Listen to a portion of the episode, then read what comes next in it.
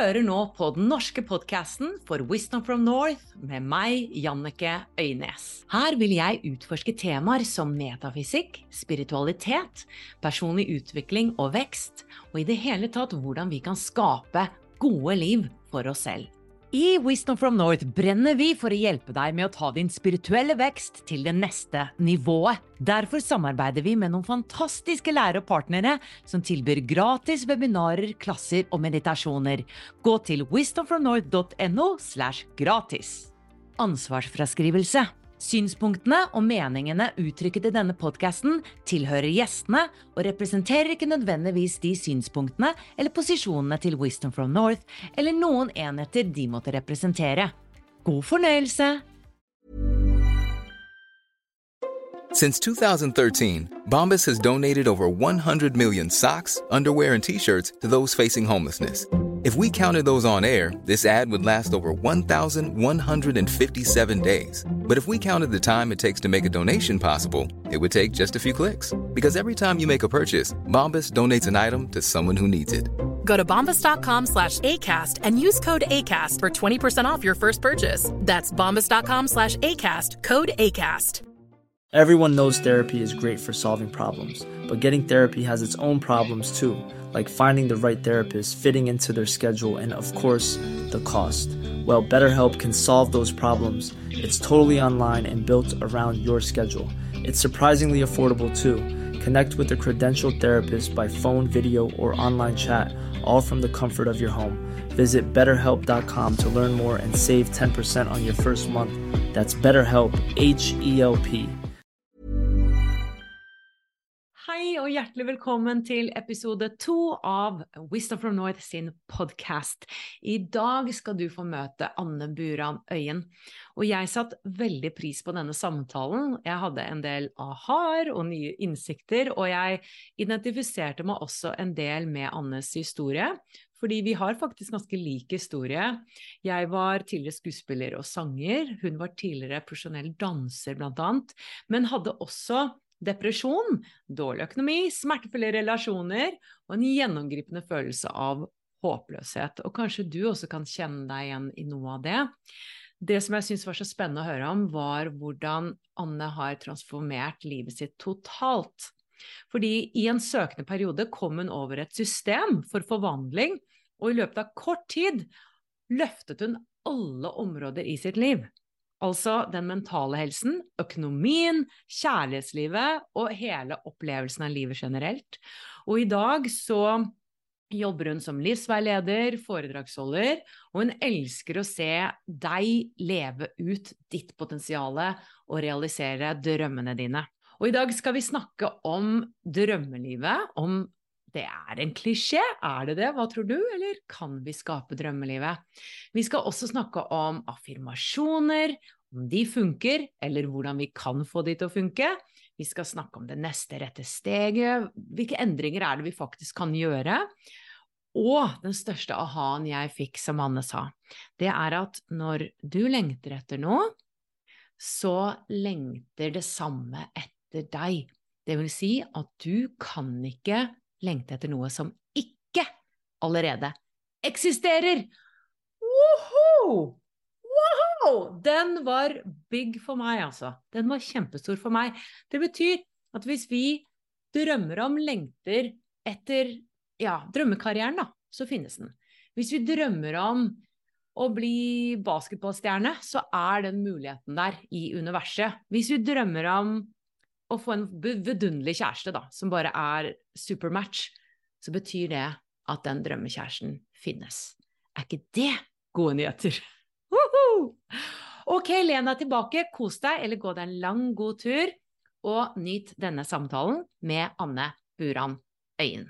Hei, Anne. Hjertelig velkommen skal du være. Tusen takk, Jannike. Dette er veldig hyggelig å få lov til å være her eh, og snakke med deg og ja, snakke om noen interessante temaer som vi begge interesserer oss for. Setter veldig stor pris på det.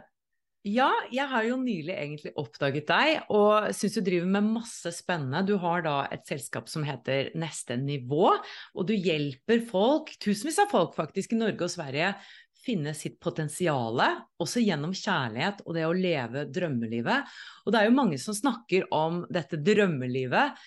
Eh, og jeg har lyst til å starte med hva er drømmelivet for deg? Eh, og vi skal litt inn på din historie og hva som har hjulpet deg å endre mye, og hvorfor du gjør det du gjør i dag.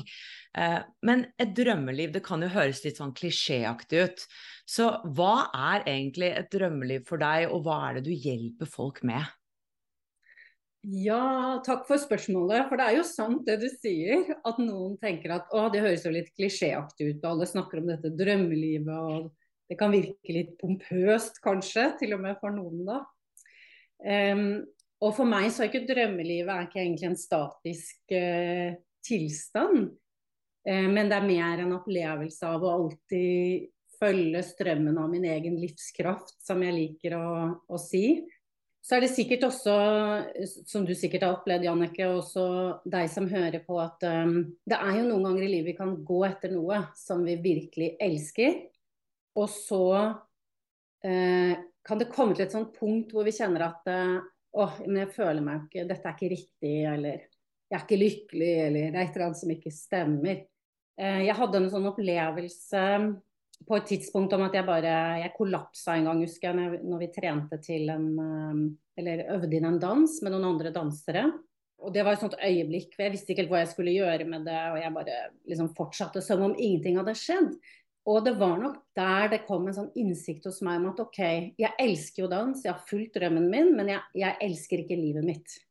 At det var enormt mye lengsel og misnøye i livet mitt. Rundt mange ting, egentlig.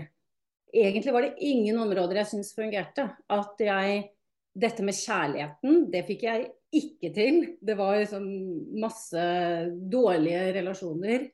Og det var Økonomi var vanskelig, og jeg syns jeg jobba hele tiden. Og det var liksom veldig mye kamp og strev i det.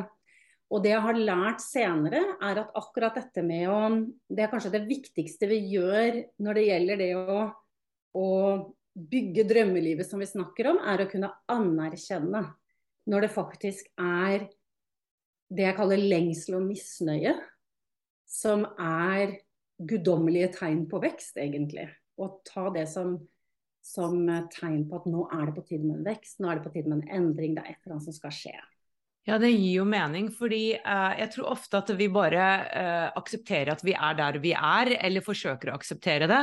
For vi tenker, sånn som du sier, ja, men det er jo min drøm å være eller det var min drøm å være danser. Men så sier du mm. men jeg elsket ikke livet mitt. Og i hodet da så kan det være ja, men drømmen er jo å være danser, så nå må jeg være fornøyd med det da. Nå må jeg ikke forvente for mye. Og jeg vet jo at du også ble deprimert, og det, det så ganske mørkt ut og håpløst ut hos deg. Så hvordan var det du klarte å vende om den? Hva var det du fant som gjorde at du er en uh, stor gründer i dag, da, og jobber på det nivået du gjør, gjør, og hjelper så mange mennesker? Altså, hva var det som snudde i deg? Mm. Ja. Uh, ja, det er jo veldig interessant. For at, uh, når jeg ser tilbake nå, så tenker jeg jo hvordan livet mitt ser ut i dag. Da jeg, jeg hadde jo ikke kunnet gjette det. Sant? Hvis jeg går Jeg trenger ikke å gå så veldig mange år bak i tid for å ikke sant, fem år bak i tid, så hadde jeg aldri kunnet gjette um, at livet mitt ser ut sånn som det gjør i dag. Det første som var et sånt steg for meg da, fra den tilværelsen, det var at jeg, at jeg, nettopp Akkurat da visste jeg ikke akkurat hva det var jeg gjorde, men jeg begynte å anerkjenne lengsel og misnøye og, og lete etter, etter en ny vei på en eller annen måte. Som tok meg til at jeg innså at det, det var jo andre drømmer jeg har hatt også. At jeg hadde lyst til å bli ingeniør. Det høres kanskje litt sånn spesielt ut for noen fra danser til ingeniør, men for meg så var det den veldig riktige veien. Jeg ønsket å bruke den delen av meg. Og så hadde jeg selvfølgelig masse grunner til at jeg kan ikke begynne på en ingeniørutdanning. Nå er jeg snart 30, og ikke har jeg penger og ikke har jeg tid, og jeg kommer ikke inn sikkert. Og hvis jeg gjør det, så får jeg det ikke til. Det er så lenge siden jeg gikk på skolen og blad, ikke sant. Det var jo alle de tingene der. Og det var da jeg hadde den opplevelsen med faren min eh, på et tidspunkt hvor vi satt på terrassen og han snakket om disse tingene. Og så så bora han blikket sitt i meg og så sa han Anne, hvis du tror, eller hvis du syns det er vanskelig å ta den avgjørelsen nå, hva tror du at du kommer til å synes om tre år? Og det var bare sånn OK. Da skjønte jeg jo at uh, når det er noe som veileder meg i en retning, så nytter det ikke å gå og ha masse unnskyldninger og vente og utsette og vente på at det skal passe bra eller bli komfortabelt. At uh, jeg må bare gå i gang. Jeg må ta ett steg om gangen, sette den ene foten foran den andre. Så det var det jeg gjorde. Og jeg starta på ingeniørutdanning, jeg fikk drømmejobben som ingeniør, og så går det noen år, og så kommer den igjen, ikke sant. Den derre lengselen og misnøyen. Nå er det på tide med noe nytt. Og den ene delen av meg tenkte nei. Litt sånn frustrert. Og samtidig så var det en annen del av meg som husket det jeg lovet meg selv den gangen. da, At eh, nå er det Altså når livet veileder meg i en retning, så skal jeg følge den delen av meg. Så skal jeg gå i den retningen. Selv om det kanskje er ukomfortabelt og upraktisk og, eh, og fryktsomt og alle de tingene. Men at det, når en del av meg veileder meg i en retning, så er det jo en grunn til det. Det er sjelen min egentlig som kaller på meg i den retningen. Det er en grunn til akkurat det. Eh, og jeg hadde jo siden jeg siden jeg oppnådde den drømmen om å bli ingeniør. fordi eh, En liten brikke av historien som jeg ikke fortalte der, er jo at det var veldig mye av livet mitt som endret seg da. Så jeg begynte å endre noen ting. Jeg, ble, jeg, opplevde at livet mitt ble mye mer stabilt på mange måter. Jeg fikk mye mer orden på helsa mi og, og mange ting. Og samtidig så ble jeg veldig nysgjerrig på ok, hva var det som skjedde her egentlig hvordan kan jeg løfte livet mitt så veldig fra et sted til et annet på så kort tid, egentlig relativt kort tid. Um, og jeg fikk um, Jeg jobbet meg gjennom ikke sant? Jeg ble mye mer um, Jeg ble rett og slett en mye mer glad person. Fra å ha mye problemer med depresjon og leger som mente at jeg burde gå på medisiner, og, men det begynte jeg aldri på så skjedde det en, en, endring gjennom det å følge en del av meg som visste at jeg skulle noe annet i livet. Så skjedde det noen ting der. Og da ble jeg veldig sånn åpen og nysgjerrig på selvutvikling. Og det tok meg gjennom noen forskjellige ting som jeg fikk veldig mye verdi av. Og så var det på et eller annet tidspunkt så kom jeg over da denne mentoren min, Mary Morrissey, som underviste et system. Ok. Ja, og da skjønte jeg at ok, deler av dette systemet har jeg faktisk brukt ubevisst, men ikke fullstendig. At her var det veldig mye mer for meg. Og at når jeg virkelig begynte å sette det i system, det, sette systemet i system, eller sette det i system i livet mitt, da virkelig bruke de prinsippene, så altså, vil jeg si at det var en, et helt annet nivå av forvandling i livet mitt. Um, ja hvor det løfta seg. Et eksempel på det, sånn helt konkret, vil jeg si Én ting er jo sant, det jeg gjør i dag og, og, sånne ting, og det er jo fantastisk å ha et arbeid som jeg elsker.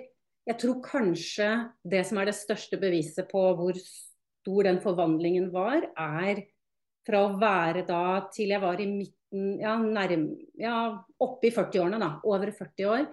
Aldri hadde vært i et kjærlighetsforhold hvor jeg følte at det fungerte. Jeg følte at jeg hadde det bra.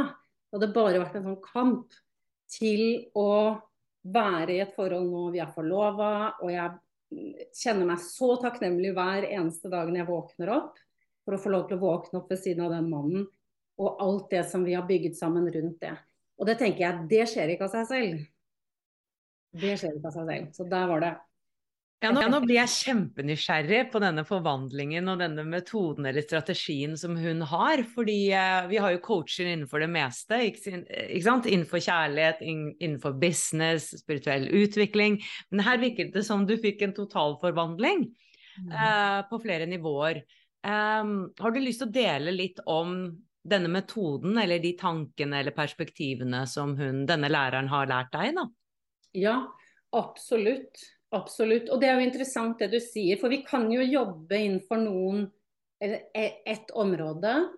Um, her så um, Måten både hun jobber på da, og jeg jobber med mine, mine uh, kursdeltakere på, er jo ved å skape en visjon for alle områder i livet, først og fremst. Det betyr ikke nødvendigvis at vi skal sette action på alle områder samtidig. Det kan bli litt uh, kaotisk. Men vi vil anerkjenne også at vi, vil, vi ønsker et fullspektrum liv. Det vil si, jeg ønsker ikke et liv hvor jeg har en fantastisk karriere, men relasjonene mine er døde. Mm. Ikke sant? Eller jeg har masse penger, men helsa mi er uh, veldig skranten. Vi ønsker et fullspektrumliv. Så jeg tenker at uansett hvilket område vi jobber med, så vil vi også vite um, det er i hvert fall sånn jeg jobber, at vi vil vite hva vi ønsker oss i alle områder i livet, hvis vi kunne velge fra øverste hylle.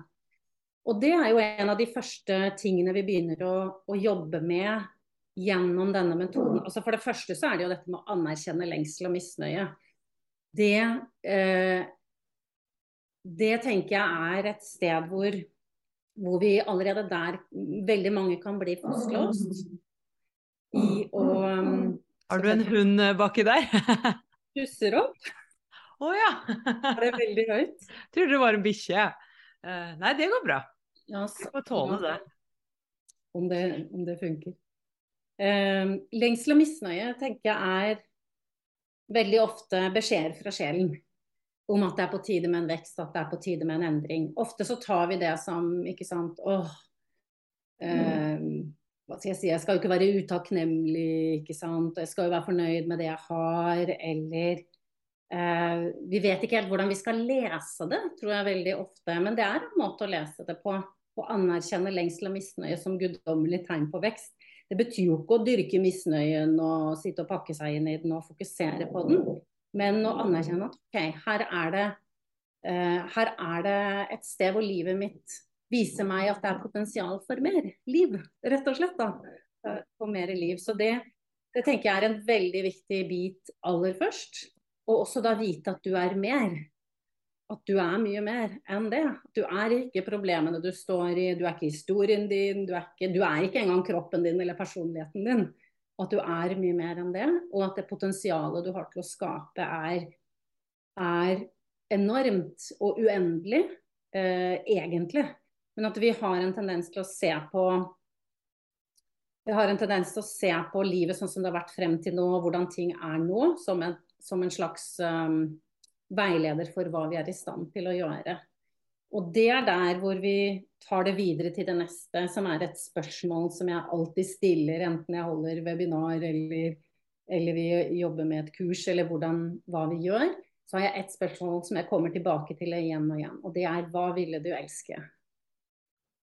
Med andre ord, hvis du setter til side den delen av deg som sier ja, men eh, det er jo sånn og sånn og hvordan skal jeg få til det, og det er jo ikke mulig, og bla, bla, bla.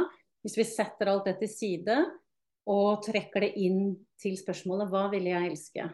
Hvis livet mitt tre år fra nå kunne vært akkurat sånn som jeg drømmer at det skulle være, hva vil jeg elske innenfor helse og kjærlighet og frihet og virke? Altså det jeg gjør med min tid og mine egenskaper. Og grunnen til at det er så viktig, mener jeg, er at hvis vi er villige til å virkelig gjøre det, så vil det vise seg noen ting for oss som ikke viser seg når vi bare spør hvordan, hvordan, hvordan skal jeg få det til, og hva tror jeg er mulig for meg ved hjelp av mitt fornuftige selv. Fordi vårt fornuftige selv vet egentlig bare hvordan vi skaper mer av det vi allerede har.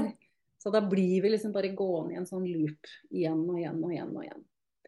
Så OK, jeg anerkjenner at det er lengsel og misnøye i det og det området i livet mitt. Hvis jeg skulle erstatta det med noe annet, hva vil jeg elske å erstatte det med? Um, og ofte så liker jeg å tenke da tre år fra nå, fordi ikke fordi det trenger å ta tre år, å skape en drøm nødvendigvis, men fordi når vi tenker tre år, så åpner vi sinnet. Vi lar sinnet få lov å drømme mye mer fritt. Um, I motsetning til å si et år fra nå, så kan vi begynne å prøve å beregne oss frem til ikke sant? hva tror jeg er mulig i løpet av et år, og hva, jeg til, hva fikk jeg til det siste året, og, og så videre. Så det, det, er, eh, vil jeg si, grunn... Um, altså det er i hvert fall der vi starter, da. Det er der vi starter i den metoden. Det er liksom den første biten som jeg kaller visjonsfasen. Og så begynner vi å lage en visjon for livet basert på det. Basert på anerkjenne lengsel og misnøye. Hva vil jeg elske?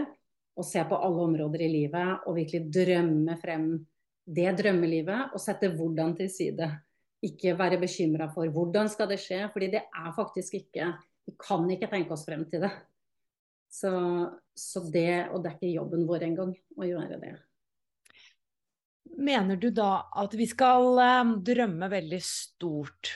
Fordi at eh, hvis vi virkelig eh, går inn og tenker 'hva vil jeg elske', eh, så i hvert fall for meg så kommer det noen store drømmer opp. Og de eh, du, du, sa vi skal legge hvordan til side, og samtidig så så tenker jeg men det, det, er jo nesten for godt til å være sant, eller hvorfor skal jeg ha det så veldig mye bedre? Jeg tror kanskje flere tenker det enn alle andre. Hvordan kan jeg få drømmemannen og drømmekarrieren og det Ja, jeg vet ikke, bo ved vannet hvis det er det du drømmer om, når ikke alle andre har det. Altså, hvorfor skal jeg være så heldig? Jeg tror nok det er en sånn mentalitet uh, vi har, at vi skal ha litt føttene på jorden og kanskje ikke forvente for mye av livet og leve så stort. Uh, så jeg tenker, hva gjør vi da med den underbevisstheten som kanskje driver og saboterer? For én ting er jo å sette på papir eh, og se hva drømmen er, en annen ting er jo faktisk å tro på det, kanskje. Så hva er da neste steg? Mener du at vi må da tro på det? For det er noen lærere som sier nei, du må ikke tro på det, du må bare leve det. Eh, hva er dine tanker om det? Uh, ja, ikke sant. Interessant. Ja, det er jo det neste Det er nettopp det neste steget etter eh, Og det, er klart de stegene går litt over i hverandre. Og det er tre hovedfaser som jeg, som jeg godt kunne tenke meg å, å, snakke om. Og det ene er jo visjonsfasen vi allerede har snakket om. Men de går jo litt over i hverandre, selvfølgelig. Så det er jo ikke en sånn helt lineær eh, prosess.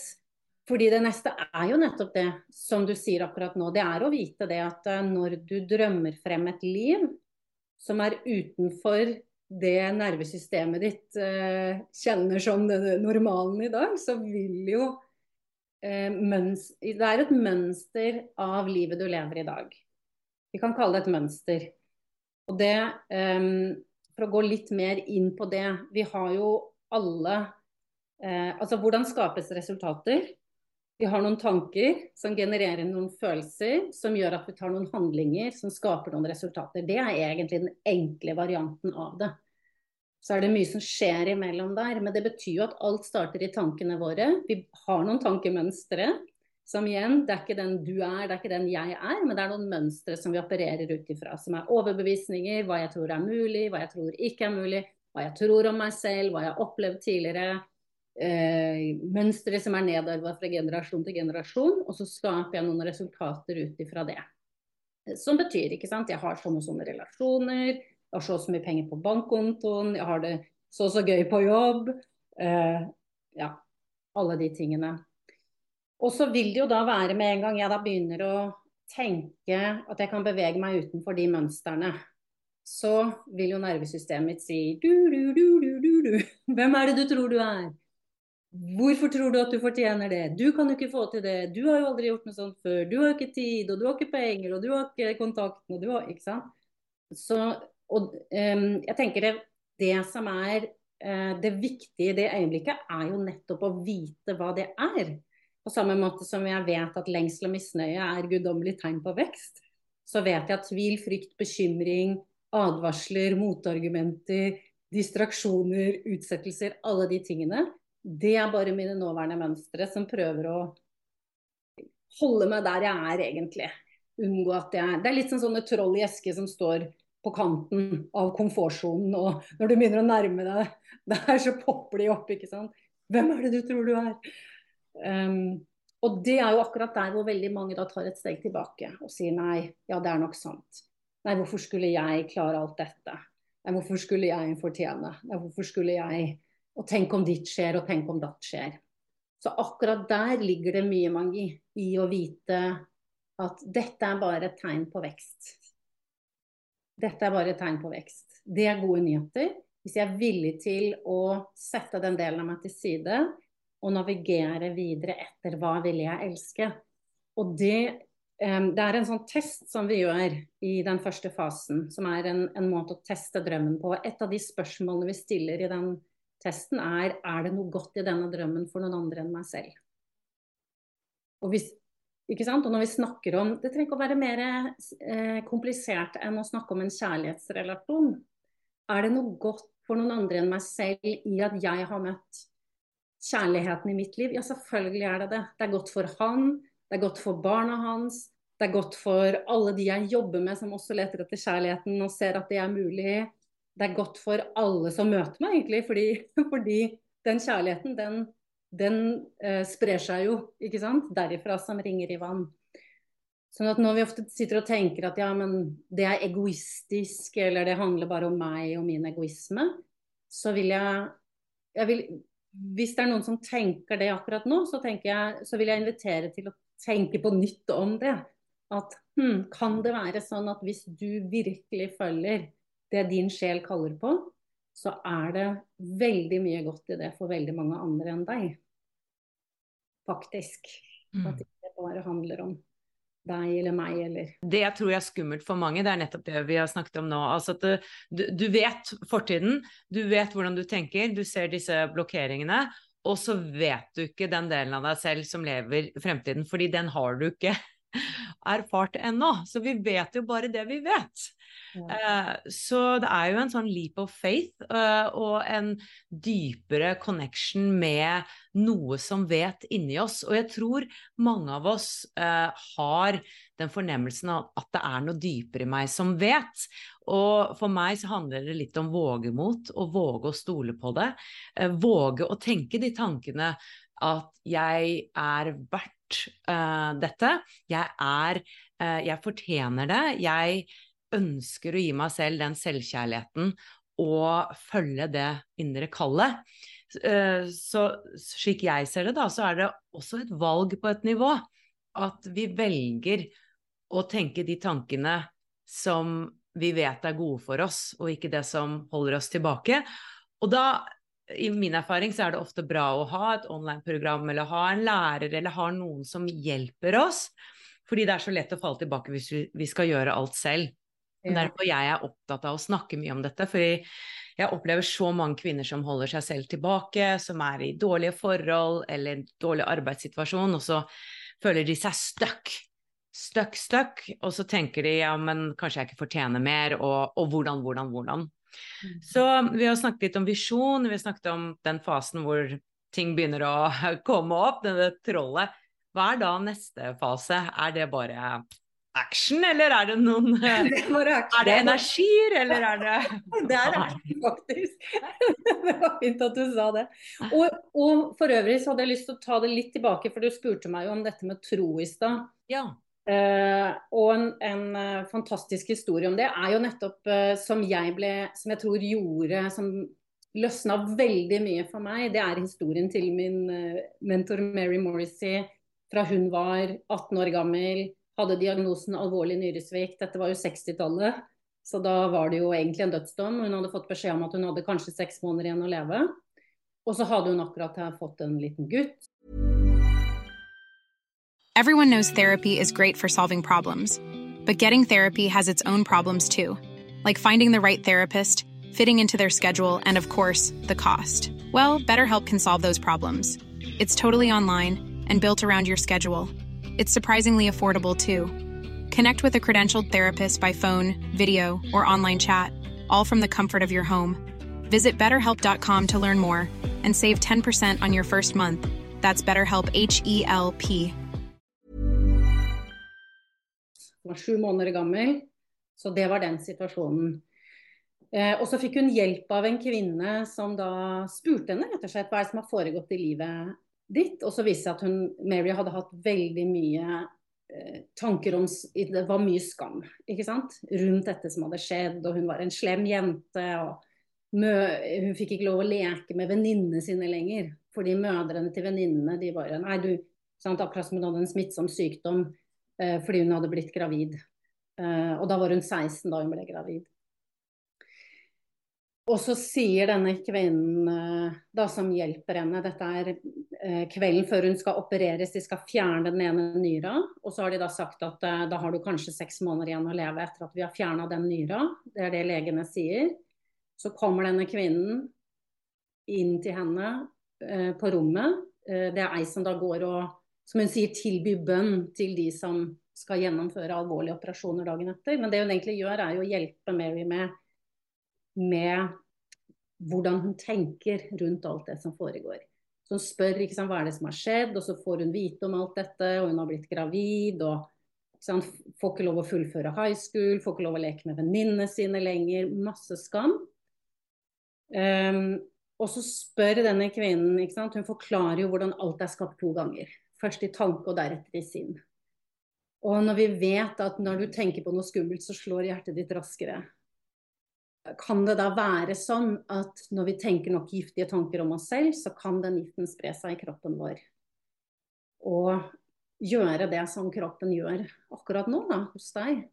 Og kan det være sånn at vi gjør noen ting sammen her og nå, og at all giften som er i kroppen din forsvinner inn i den nyra som du skal operere bort dagen etterpå, og etter operasjonen så blir du gradvis bedre i stedet for å bli verre?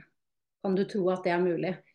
Og det Mary Morrissey tenker i det øyeblikket, er at hun tror jo ikke Eller hun tror ikke egentlig på det, men hun skjønner jo at den kvinnen her tror på det. Den dama her tror jo fullstendig at det er mulig. Så hun hekter seg på den troen, rett og slett. For hun er jo i en situasjon hvor hun er redd for livet sitt. Og har en liten gutt hjemme, og hva har hun å tape? Hun hekter seg på den troen. Så hun sier noe sånt som at jeg vet ikke om det er mulig, men kanskje. Og det den kvinnen svarer da, det husker jeg veldig godt. Og det er det er alt vi trenger. Et lite hjørne av sinnet ditt åpen for muligheten. La oss jobbe med det. Og i det øyeblikket så innså jeg for meg selv at å, jeg trenger jo ikke å tro med hele meg. Jeg trenger ikke å tro med hele meg. Det kan godt være en del av meg som tviler. Det kan godt være en del av meg som sier nei, Anne, det får du aldri til, og jada, jada, jada. Alle de tingene. Men hvis et lite hjørne av meg er villig til å tro, så kan jeg mate den delen av meg. Jeg kan eh, lene meg mot den delen av meg. Jeg kan fokusere på den delen istedenfor å fokusere på alle de trollene som sier alt mulig annet. Og jobbe derifra. Så det er egentlig svaret mitt på må du tro med hele deg? Nei, absolutt ikke. Hadde du gjort det, så hadde du jo hatt drømmelivet ditt allerede, tenker jeg da. Hadde vi trodd fullstendig, så hadde vi jo hatt det allerede. Så det er noe med å følge den lille det lille der lyset av ja, hva om det var mulig? Hva om det var lett? Hva om jeg kunne? Hva ville jeg elske i så fall? Og så ta det derifra. Og da er vi jo over i den Det er det jeg kaller brofasen, egentlig, det vi snakker om. fordi det er jo å bygge broa mellom tankesettet jeg har i dag, og tankesettet jeg har hvis jeg lever drømmelivet mitt. For det er jo egentlig to forskjellige tankesett jeg kommer ut ifra der. Hvis det gir mening. Ja, ja, absolutt. Ja. Eh, blander du også inn energier i dette her? Jeg vet jo at du eh, ble litt interessert i åndelige prinsipper, eller er det mer mindset? Ja, jeg tenker det er to sider av samme sak. For alt mm. er energi. Mm. Alt er jo energi. Og så lenge jeg puster, så, så vibrerer jeg. Eh, I både kroppen min og i, i feltet rundt meg. Alt er energi. Og jeg tiltrekker meg mer av det jeg er, egentlig. Sånn at uh, mye av det vi snakker om her, handler jo om også ikke bare Å, jeg nå har jeg skrevet en visjon, men jeg går fortsatt og vibrerer i På det nivået hvor, som skaper det livet jeg har i dag.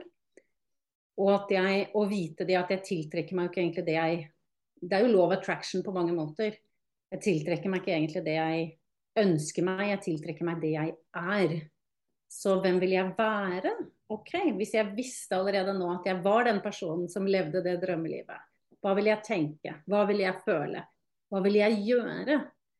Og der kommer vi jo over i handlingen, eh, som jeg tenker er en viktig brikke som kanskje noen går glipp av noen ganger. Fordi vi kan bli veldig opptatt av visjonsarbeidet og manifestasjon og, og um, ja, mediteringen rundt det, som jeg tenker er veldig viktig. fordi det er jo det som setter oss i en, i en frekvens.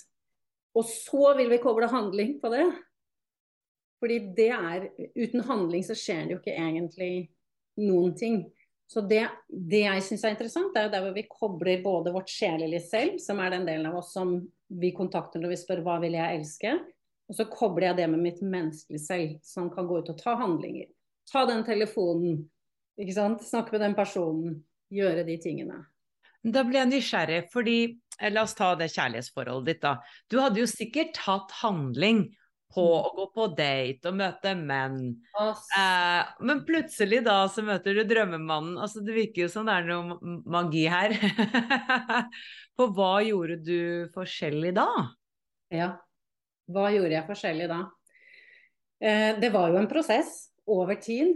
Eh, det var mange frosker langs veien der. Og da er det jo spørsmålet Når jeg da, når jeg da har vært på en date som igjen Det var ikke han.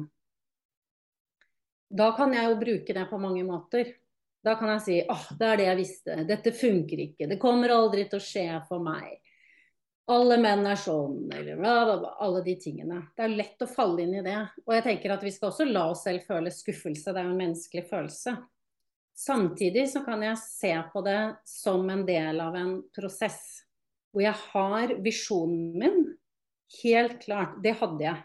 Så det var jo en viktig brikke i det. Jeg hadde visjonen min helt tydelig. Jeg hadde spurt meg selv igjen og igjen hva er det som er virkelig viktig for meg i en relasjon. Hvilke egenskaper er det han skal ha uh, for at jeg skal kunne virkelig vokse og blomstre? Hvilke egenskaper er det jeg må ha for å kunne matche de egenskapene hos han? Uh, og ikke gå på, på noe kompromiss med det. Altså, dette er virkelig viktig for meg. Så jeg jobba masse med visjonsarbeid. Og jeg skapte meg bilder av hvordan denne visjonen, hvordan um, dette forholdet så ut. Eh, og hvordan, ikke sant. Hvor jeg var i drømmehuset mitt, og jeg våknet opp i den senga, han lå siden av meg, jeg kunne liksom kjenne lukten av vann. Jeg gikk ned, jeg tok et morgenbad, jeg kom opp igjen. Han sto i balkongdøra og venta på meg. Jeg kom opp, ga meg en kjempeklem, sa at han elsket meg. Og den filmen snurret jeg i hodet mitt igjen og igjen og igjen og igjen. Jeg så ikke noe ansikt på han, men jeg kunne kjenne energien av dette mennesket. Og jeg, jeg kjente etter hvert hvem han var. Og det er, det er jo han. eh, Wow. uh, Sammen med i dag. Fordi jeg satte meg på en vibrasjonell match med det. Men jeg tror et viktig spørsmål der er jo hvem må jeg være for å matche det? Hvem må jeg være? Og være nysgjerrig på det i alle møtene og alle datene jeg var på. At jeg ikke spurte meg selv å, er dette mannen i mitt liv jeg skal møte nå? Men heller stilte med et åpent sinn, nysgjerrighet. Hvem vil jeg være? Ja, jeg vil være en person som får andre til å føle seg bra. Ikke sant? Fordi hun som lever den visjonen i det drømmeforholdet, hun er sånn. Hun er sånn som får kjæresten sin til å føle seg bra. Ok, så hva kan jeg gjøre da når jeg møter opp på denne daten for å få han som jeg skal møte til å føle seg bra? Uten å tenke på hva får jeg igjen for det, og ikke sant. Å nei, han er ikke mann i mitt liv, da, da driter jeg i han på et vis. Men stille allerede nå som den personen. Og samtidig da litt nysgjerrighet rundt OK, hvordan føles dette for meg? Når han er den typen person, når jeg er sånn, hvordan føles det å være nysgjerrig på det og ta det som læring langs hele veien? Og så snurre den filmen i hodet mitt. Og, og se for meg at det skjer her og nå. Det er ikke noe der fremme, det skjer her og nå. Jeg kan ikke drømme frem noe som, som ikke den uendelige intelligensen kan eller har der for meg allerede. Du, det, var, det var interessant, jeg må bare stoppe deg. Du kan ikke drømme frem noe som egentlig skaperverket ikke har for deg allerede. nettopp Oh my goodness. Det må jeg bare ta inn. Vil det si at du ikke Altså, hvis du forsøker å visualisere noe, så bare kommer det ingenting. Det stopper opp litt, så er det kanskje ikke dit du skal, men der det åpner seg, og du får tak i en drøm, så er det noe for deg? ikke tilfeldig, Ha. tenker jeg. Wow. Tilfeldig. Bob Proctor eh, pleide jo å si eh, jeg, jeg hørte han si noen ganger at eh, det er jo ikke syv milliarder menneskesinn, det er ett sinn. Det er ett sinn, og vi er syv milliarder mennesker som er sånn eh, eh, Hva skal man si fysiske representasjoner av det sinnet. Eh, eller den energien, kan vi si, som en, i en fysisk form. Og at vi da alle er koblet på et uendelig sinn, som er intelligent, som er responsivt. Og at når du da drømmer frem noe i sinnet ditt, så er det også drømt frem i den nødvendige intelligensen. Og helt sånne konkrete eksempler på det er jo at det er jo ikke mer enn bare litt over 100 år siden vi mennesker lærte oss å sette oss i harmoni med elektrisitet. På lys i taket, ikke sant. Alle de tingene som, vi, som jeg kan se på skjermen min osv. Men elektrisiteten var jo der alltid før det. Sånn at bare fordi noe ikke er skapt enda, så betyr det ikke at det ikke bor allerede ligger der latent. Det ligger der latent, ferdig til å Altså, mennesker kunne fly alltid. Men, på, men, vi lærte bare ikke før i 1903 å sette oss i harmoni med hvordan kan jeg sette meg i en maskin og fly til den andre siden av, av jorda. Det betyr? Så det betyr at alt som drømmes frem, kan skapes på en eller annen måte. Det betyr ikke at bare fordi det ikke er gjort, at det ikke kan gjøres. Veldig spennende tanke. Og de som nå kanskje tenker ja, men jeg sliter med visualisering, jeg klarer ikke å se det for meg. Er det andre muligheter til å sette seg inn i den tilstanden uten å nødvendigvis visualisere, fordi at vi er jo sterke på forskjellige sanser, da? Ja, det er sant. Det er sant. Ja, jeg tenker det viktigste er eh, å sette oss i den opplevelsen av at det skjer her og nå. Jeg er den personen her og nå. Og det er jo en måte egentlig å lure underbevisstheten. Og vi kan jo alle lure underbevisstheten. Eh, et eksempel på det er å bare Hvis du ser for deg et øyeblikk at du holder en, en sitronbåt i hånda, og du kan kjenne den lukten av sitron, og du kan se de der små boblene av sitronsaft, og så ser du for deg at du tar den til munnen og tar en skikkelig jafs, da i hvert fall hos meg så begynner det å skje noe her. Mm. Ikke sant? Selv om jeg spiser ikke sitron. Så det er, det er måter å lure underbevisstheten til å tro at det skjer her og nå. Og når jeg gjør det, så vil jeg mer og mer Når jeg gjør det hver dag over, Det er jo ikke noe som skjer fra en dag til en annen, det her. Det er jo en prosess over tid. Men jeg gjør det mer og mer. At jeg lever meg inn i at jeg er allerede den personen som lever drømmelivet mitt så vil jeg mer og mer begynne å handle ut ifra den personen. Fordi den personen tenker på en annen måte, handler på en annen måte, tar andre valg. Eh, og der begynner det å, å, å, virkelig skje noen ting. Så, så, jeg tenker at det er jo ting som det er morsomt å eksperimentere og leke med. Eh, ja, hvordan OK, jeg syns det er litt vanskelig å visualisere. Hva er andre måter jeg kan gjøre det på? Jeg vet Noen av, av deltakerne i kurset mitt har f.eks. de har skrevet en visjon, og så har de lest den inn som en lydfil til seg selv, og så hører de på den flere ganger om dagen som en historie. Uh, noen lager seg sånn vision board med masse bilder som, som, gjør at de får den følelsen, ikke sant? som setter i gang den følelsen hos dem. Um, ja. Så det er jo mange ulike måter egentlig vi kan gjøre det på jeg tenker det viktigste er ikke hvordan, men det er det å hver eneste dag um, Ikke hele tiden, selvfølgelig. Det, det klarer vi jo ikke. Uh, fordi det er jo derfor vi lever sånn som vi lever. Men uh, det å gjøre i hvert fall en eller annen gang i løpet av dagen La deg selv få lov å kjenne at Å, liksom, hvis jeg visste at det allerede var mitt, hvis jeg visste at jeg allerede levde det livet, hvem er jeg da? Hva føler jeg det skjer her og nå? At vi virkelig lever oss inn i at det skjer her og nå. Veldig spennende. Nå har du jo delt masse allerede om hvordan vi kan gjøre mye av dette her. Ehm, jeg har lyst til å bare hoppe litt inn i affirmasjoner. Eh, jeg øver meg på affirmasjoner nå, og tidligere så har jeg tenkt at de ikke funker. Jeg har følt at de ikke har funket. Eh, og så har jeg vel tenkt at jo, men du har vel ikke testet det ordentlig ut og gått all in, Jannicke. Eh, så nå er jeg i en prosess hvor jeg gjør det, og jeg syns det er veldig gøy, og jeg leker med det. Og så så jeg at du hadde en video om affirmasjoner, hvorfor de ikke fungerer. Eh, og jeg tror du endte med at altså, de fungerer, men eh, de kan også ikke fungere. Det spørs litt hvordan man gjør dem. Så hva er ditt perspektiv på hvordan vi kan få affirmasjoner til å fungere? Ja, Uh, og det er gøy da med affirmasjoner. Og jeg har jo vært der mange ganger selv og tenkt nei, dette funker ikke. Og, uh, si det her til meg selv, jeg føler meg så dum, og jeg tror ikke på det. Um, det er jo noe som heter de Du sier det ikke fordi du tror det, men du begynner å tro det fordi du sier det. Nok ganger. Så uh, jeg tenker at det viktigste hvis vi vil Affirmasjoner er jo veldig mye det samme som visjonsarbeid. Det er jo omprogrammering av underbevisstheten. Det er det det er. Så enkelt. Det er omprogrammering av de mønstrene som vi har, som skaper noen resultater. Og så vil vi, eh, hvis vi ønsker andre resultater, se noe annet i livet vårt, så må det skje Det må komme inn noen andre mønstre. Noen andre overbevisninger. Trossystemer, kall det hva du vil. Operativsystem. Um, og at uh, hvis jeg hadde virkelig 100% trodd på den affirmasjonen, så hadde jeg jo allerede hatt det i livet mitt som den affirmasjonen sier.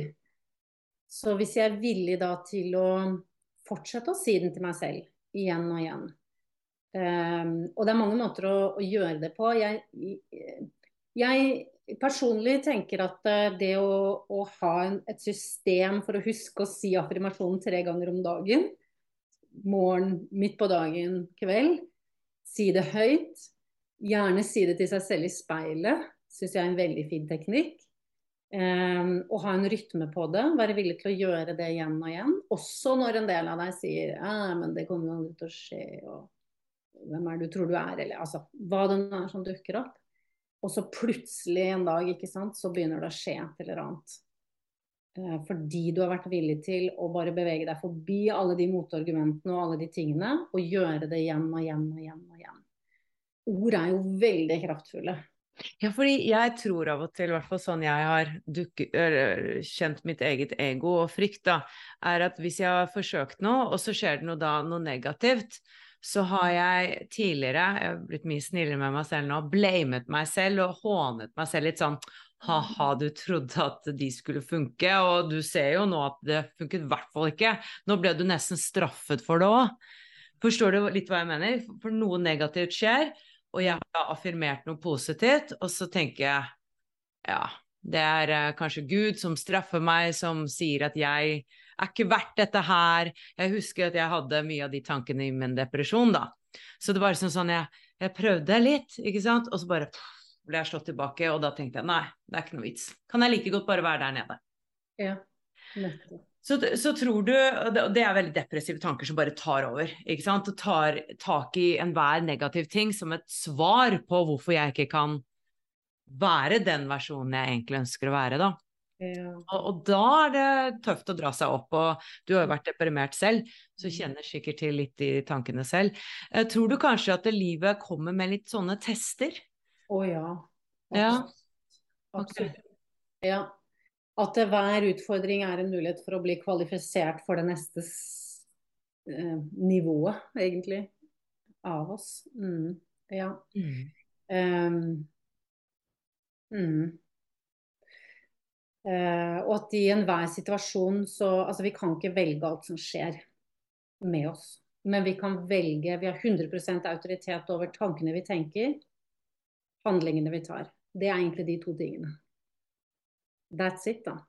Jeg kan ikke bestemme hva andre skal si, og hva som skjer der ute, men jeg har 100% autoritet over tankene jeg tenker, og handlingene jeg tar. Så hva tenker jeg om det som skjer? Og velger jeg å tenke om det? Den autoriteten har jeg. Fullstendig. Mm. Og det kan vi jo lett glemme, selvfølgelig, i en utfordrende situasjon. Og jeg er ikke perfekt på dette, og det tror jeg aldri noen er. Det er jo alltid en prosess og en læring. Men jeg tenker at jeg etter hvert uh, blir bedre og bedre på det jeg kaller trykke på den interne pauseknappen. Avbryte et mønster som viser seg hvis det ikke er positivt.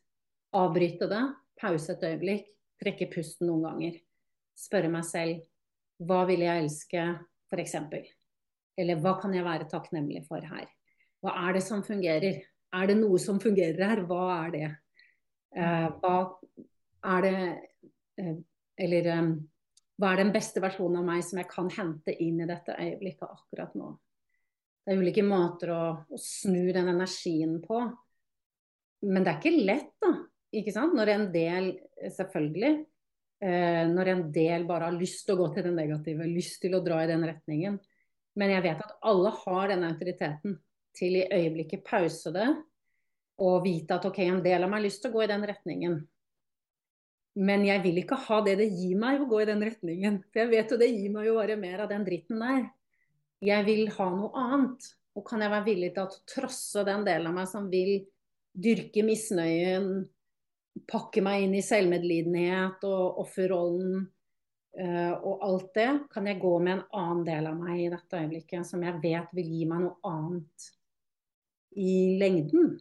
Um, og det er jo klart at uh, når vi, sånn som jeg var, da, var veldig godt trent i å se etter det negative, se etter problemene, hva som ikke fungerer, hvorfor jeg ikke var bra nok, hvorfor jeg ikke fortjente, hvorfor uh, ja, alt mulig, uh, så er det et arbeid. Det er jo et arbeid. Det kan jeg jo være helt ærlig om at det er et arbeid som skal gjøres. Og det er igjen og igjen å trykke på den interne pauseknappen, gå i den andre retningen. Trykke på den interne pauseknappen, gå i den andre retningen. Og så etter hvert så blir det mer og mer lettere, fordi det er mer og mer det jeg automatisk går til. Veldig spennende og veldig inspirerende, Anne. Tusen hjertelig takk for at du stilte til intervju, og spennende å bli kjent med deg. Og lykke til videre med ditt arbeide. Uh, to spread the good word. Jeg syns det er så viktig å ha disse samtalene uh, for at vi kan forstå at vi er så mye mer, og at det er mer potensial og hva som er mulig, og at vi alle baller med gjerne de samme tingene, mange av de samme tingene, og at det er mulig å overkomme dem. Og du er jo et uh, eksempel på den transformasjonen, eller forvandlingen, da. At forvandling er mulig uansett hvor du er eh, og hva du har opplevd. Så tusen takk, og jeg deler linken under her til denne masterklassen, så kan du få med deg den. ja, Masse lykke til videre. Takk skal du ha, Jannicke, og like måte. Jeg syns det er veldig, veldig viktig det arbeidet du gjør i å spre eh, åndelige prinsipper for selvutvikling eh, på ulike måter. Fordi det vil jo alltid være sånn at uh, det jeg sier, resonnerer med noen. Det noen andre sier, resonnerer med noen andre. Det du sier, resonnerer med noen. Så jeg syns at det er et veldig, veldig viktig arbeid som jeg setter stor pris på. Ja, tusen takk for det. Det er litt vår greie at eh, jeg nettopp eh, liker å dele forskjellige perspektiver mm. fra forskjellige lærere, og jeg opplever at vi sier mye av det samme allikevel. Bare med forskjellige ord. Takk for at dere så på, og masse lys herfra. Hey, it's Paige DeSorbo from Giggly Squad. High quality fashion without the price tag. Say hello to Quince. I'm snagging high-end essentials like cozy cashmere sweaters, sleek leather jackets, fine jewelry, and so much more. With Quince being 50 to 80% less than similar brands. And they partner with factories that prioritize safe, ethical, and responsible manufacturing. I love that. Luxury quality within reach. Go to quince.com slash style to get free shipping and 365-day returns on your next order. quince.com slash style. Mom deserves the best, and there's no better place to shop for Mother's Day than Whole Foods Market. They're your destination for unbeatable savings, from premium gifts to show-stopping flowers and irresistible desserts. Start by saving 33% with Prime on all body care and candles. Then get a 15-stem bunch of tulips for just $9.99 each with Prime. Round out Mom's menu with festive rosé, irresistible berry chantilly cake, and more special treats. Come celebrate Mother's Day at Whole Foods Market.